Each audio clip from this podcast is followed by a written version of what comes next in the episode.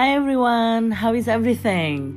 Mudah-mudahan sehat-sehat terus ya. Harus dong, soalnya Well, I think this is the fifth week since we are um, staying at home.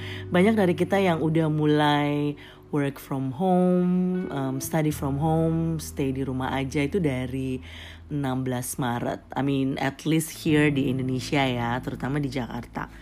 Kalau di negara lain kayaknya malah lebih awal karena kayak misalnya Italia, um, Switzerland, Jerman, dan juga beberapa negara-negara yang severely affected by coronavirus or COVID-19 lebih awal dari kita itu mereka udah bener-bener menerapkan apa tuh namanya kebijakan social distancing and physical distancing itu udah jauh-jauh hari. Anyway, uh, gimana rasanya lima minggu mostly di rumah aja? Aku bilang mostly karena apa? Karena memang uh, aku pribadi masih keluar untuk melakukan hal-hal yang urgent. Urgent dalam arti kayak ke klinik, um, ke rumah sakit, ambil obat aku, terus um, there are times when aku juga periksa gitu ya karena ada beberapa keluhan, and then uh, I still go out to get some groceries, just once a week, no more than an hour or two karena udah ya gimana ya udah. Dibilang parno sih enggak cuman ya takut aja gitu kalau terlalu lama di luar and we're just uh, depending ourselves with the mask ternyata kenapa-kenapa gitu. Daripada jadi seselan kan.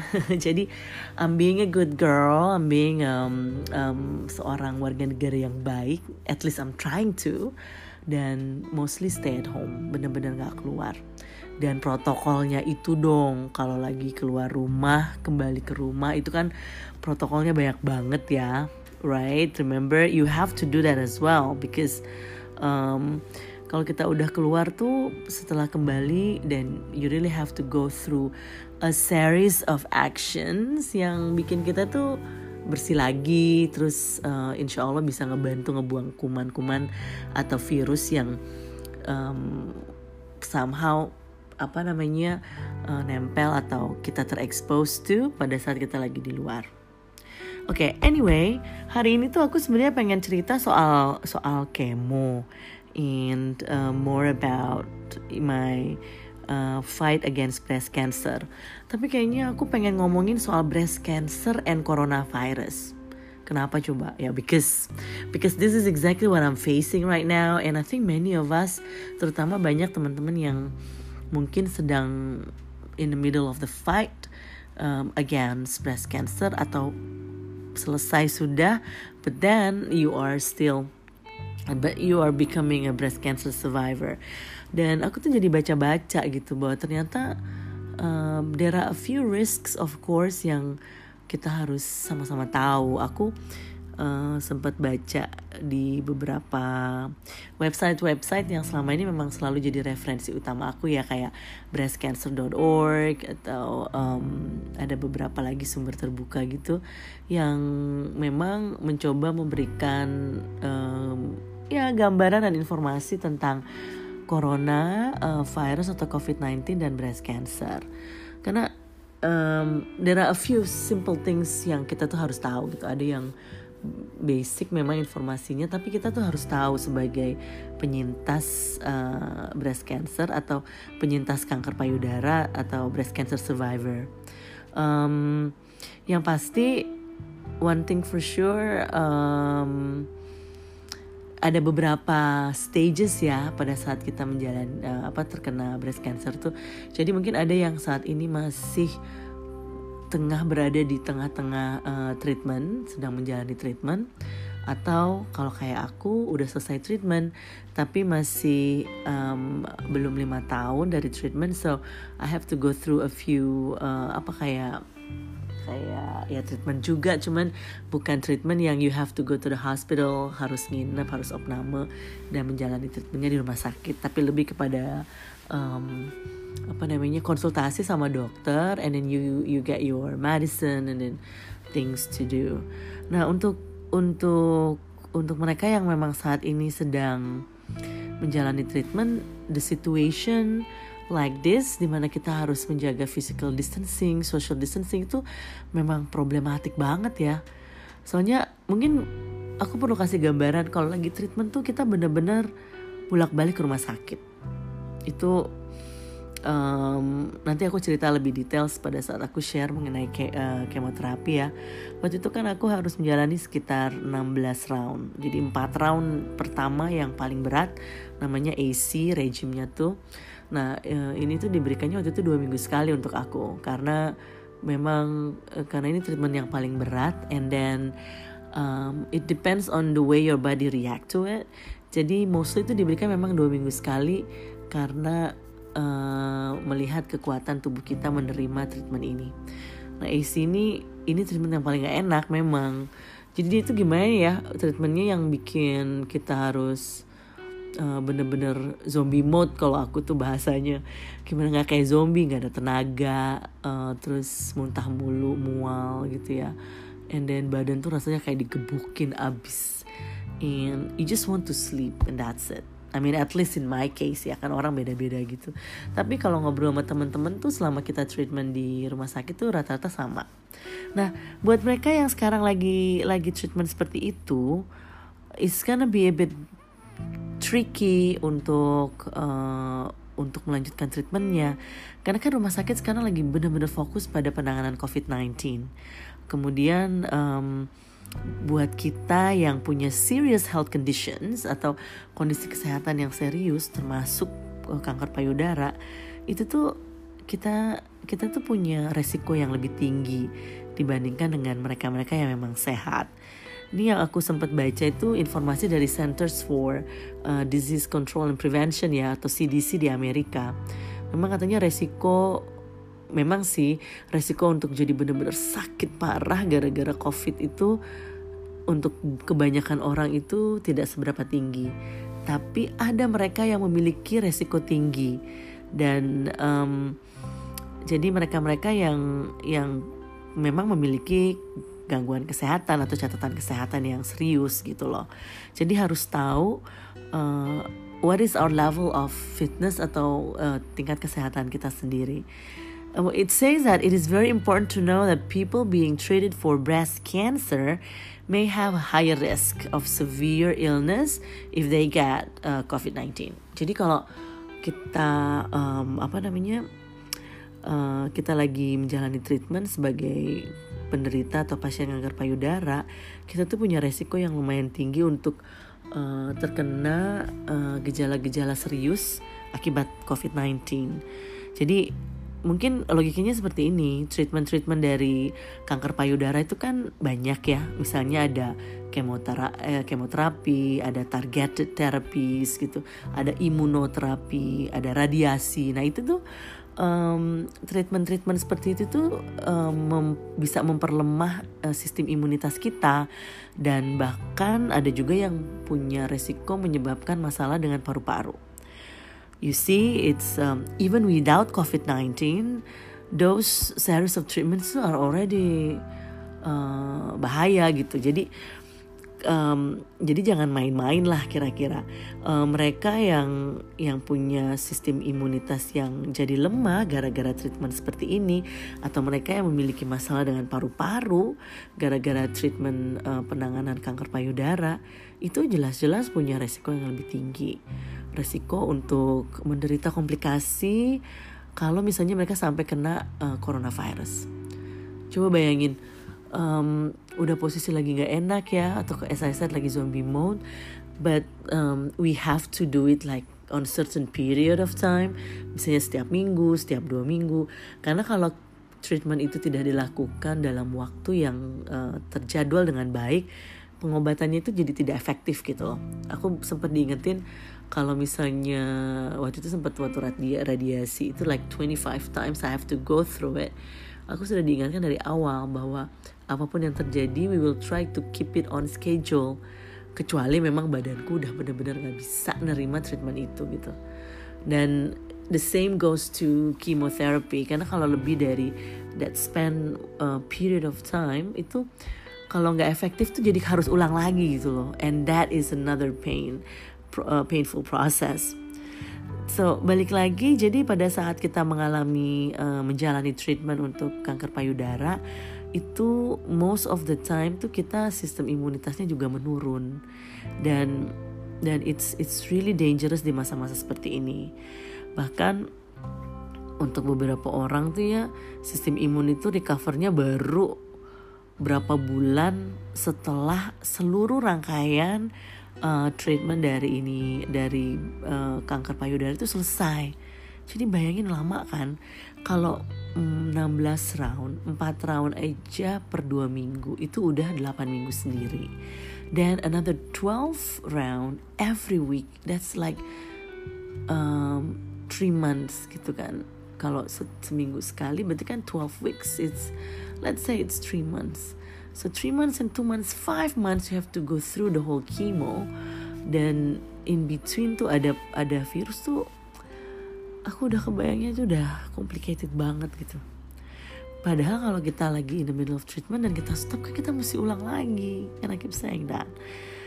So anyway, mudah-mudahan sih teman-teman yang sedang menjalani treatment bisa mendapat uh, bantuan dari rumah sakit atau klinik tempat mereka menjalani treatmentnya ya karena memang nggak nggak semuanya mengalami hal yang sama. Um, another problem juga biasanya itu dialami oleh mereka yang aduh amit-amit mudah-mudahan gak terjadi sama aku. Tapi yang kanker payudaranya itu metastatik gitu loh. Metastatic uh, metas metas hmm, harus say metastasized kalau dalam bahasa Inggris. Pokoknya intinya menyebar menyebar dan itu penyebarannya bisa ke mana-mana termasuk ke paru-paru.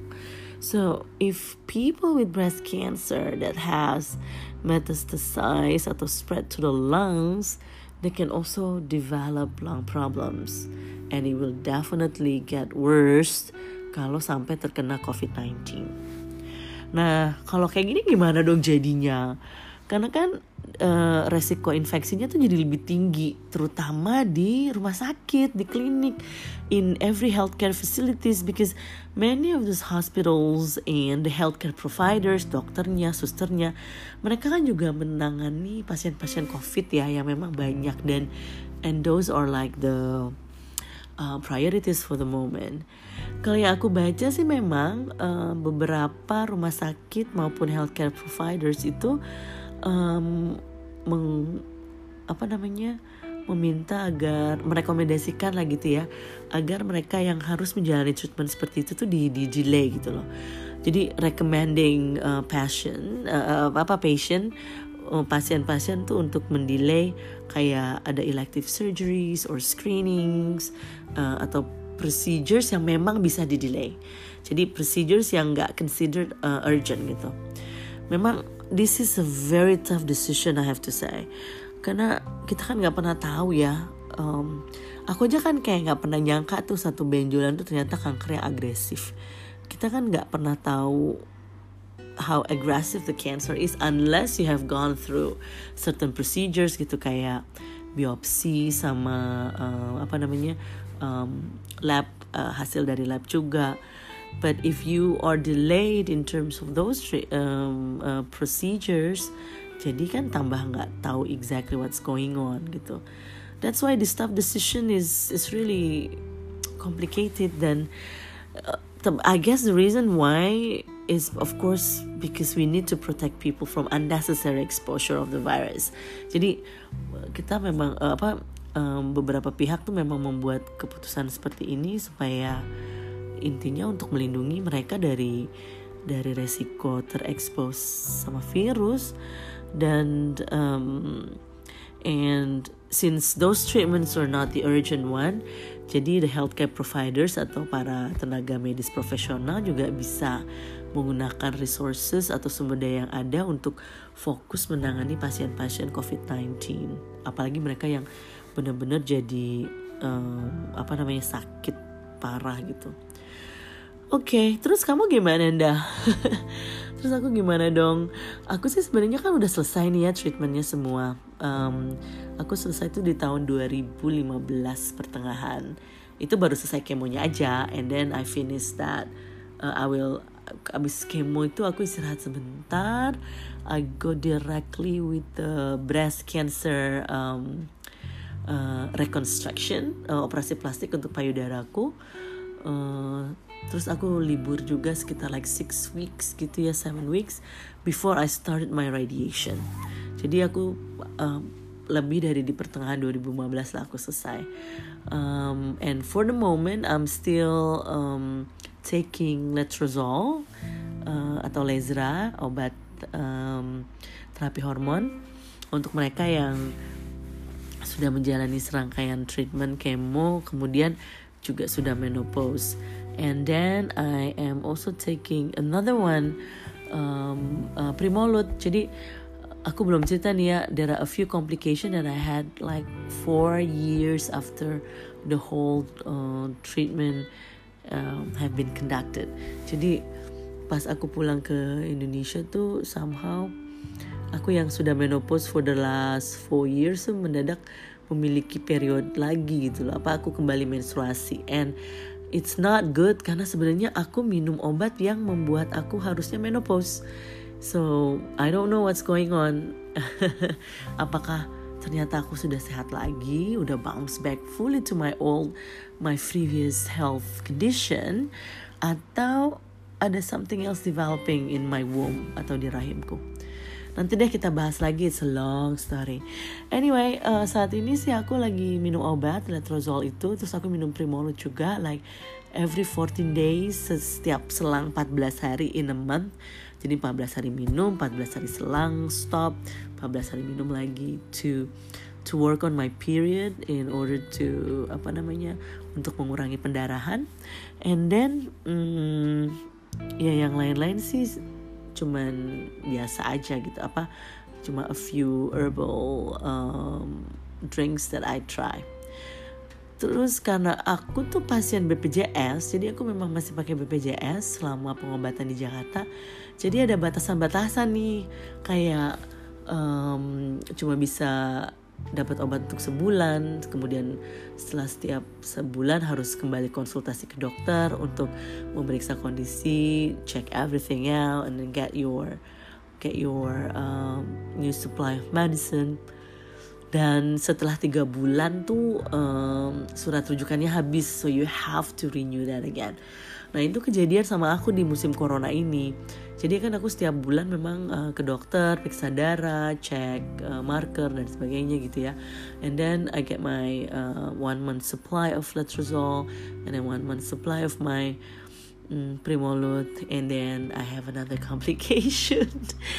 Aduh now that I'm laughing at it gula darahku tuh juga turun naik kayak kacau gitu deh pokoknya deh kadang naik tinggi kadang nggak kadang normal tapi jarang banget mostly tinggi dan uh, makanan tuh juga pada udah dijaga gitu ya.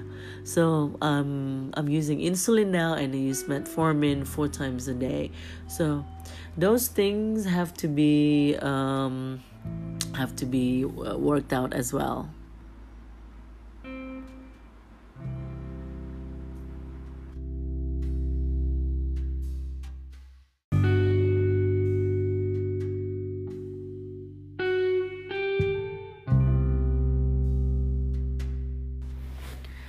jadi ya gitu uh, I have to use the insulin and I need to get that um, apa namanya supplies juga every month. So akhirnya I decided to go to the clinic to renew my um, reference to get my medicine to consult my doctor dari oh sorry dari klinik tuh aku masih harus ke rumah sakit berikutnya in order to get uh, either to meet my doctor there atau to get another reference to actually go to the the main hospital that I need to go to. Kebetulan kan karena rumahku dekat dengan rumah sakit persahabatan jadi aku tuh pengen ke situ. Tapi kan rumah sakit persahabatan yang memang dokternya sudah jadi sudah sudah jadi dokter yang selama ini aku percayakan untuk penanganan kanker payudaraku di Indonesia itu ada di um, apa namanya fasilitas kesehatan yang paling tinggi. I can't go there directly. I need a referral. Aku perlu rujukan. So, you know, I have to go through the clinic to rumah sakit yang kedua dan baru ke rumah sakit persahabatan. Jadi selama COVID-19 itu aku sempat sekali ke klinik, sekali ke rumah sakit. Itu memang protokolnya gila-gilaan. Kita bener-bener harus antri, harus jaga jarak, pakai uh, masker yang baik, dan bahkan uh, you bring your own hand sanitizer walaupun mereka nyediain ya. Karena you never know, um, maybe they're running out of it, so it's better for you to bring your own supply. And I did that. So ya, yeah, jadi uh, dari mulai di elevator semua udah diatur jaraknya harus jauh ada ja, ada kayak gambar gitu di what do you call that? Di di lantai you have to stick to it. Kemudian ada petugas yang selalu ngingetin jaga jarak jaga jarak maskernya dipakai yang benar dan uh, apa menawarkan hand sanitizer dan sebagainya. Jadi ya since I'm not the only one kan coming to the rumah sakit, walaupun dokternya memang dokter onkologis, I have to wait for a while dan ya nunggunya tuh yang sambil cengak-cengok deg-degan gitu. Karena nggak nyaman gitu loh. Sebenarnya bukan nggak nyaman physically ya. Nggak nyaman tuh because in the back of your head you keep thinking that this is a hospital where they are treating COVID-19 and virus is out there. You never know whether you are actually fully covered for that. I mean nggak nggak bakal terkena gitu. Jadi pokoknya waktu itu aku bener-bener dateng cepet langsung antri uh, ambil dokumen uh, masukin dokumen antri lagi dan bilang maksudnya sus saya cuma perlu rujukan supaya saya bisa ke uh, apa consult di uh, di uh, dokterku di rumah sakit yang lain even for that I still have to wait for like one and a half hours. Ya tunggu dua jam lah dengan segala macamnya. But anyway it's um it's good because because I still I still got a chance to go to the clinic and I I still can go to see my doctor. Karena kebayang dong kalau enggak berarti aku harus libur minum obatnya. And kalau minum obatnya libur I don't know what's going on. I don't want to take that chances either Okay, so that's like a little story about the COVID 19 and the breast cancer. So we'll we'll get back to you with more details later on, all right? And again, thank you so much for listening. I sincerely hope that you get something beneficial from that and stay healthy yeah, stay safe. Jangan kemana-mana, stay at home because that is the best thing you can do during this pandemic era pandemic era. No pandemic time. I don't want it to be an era. I just want it to be a a short period of time. Jadi sehat-sehat ya. Tetap ikuti semua peraturan yang ditetapkan oleh pemerintah supaya kita semua selamat. Thank you so much for listening. Wishing you a great um, happy healthy days ahead and see you in the next podcast. Ciao